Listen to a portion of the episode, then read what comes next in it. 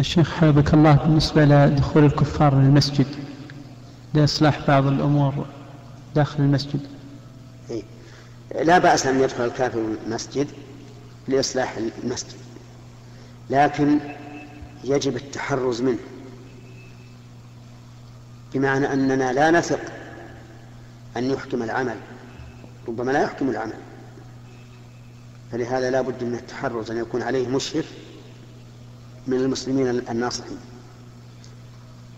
نعم هو ليس بنجس الكافر مو نجس يعني يعني ليس نجس النجاسة الحسية هو نجس نجاسة معنوية ولهذا لو لو مس يدك وهو رطب أو أنت رطب ما ما ينجسك.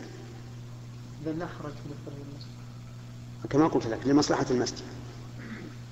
أما أن يدخل بيبكى في المسجد فلا. اذا كان لمصلحة المسجد أو أو إنه مثلا في المسجد آه، براد بيشرب منها ما في بأس. انتهى؟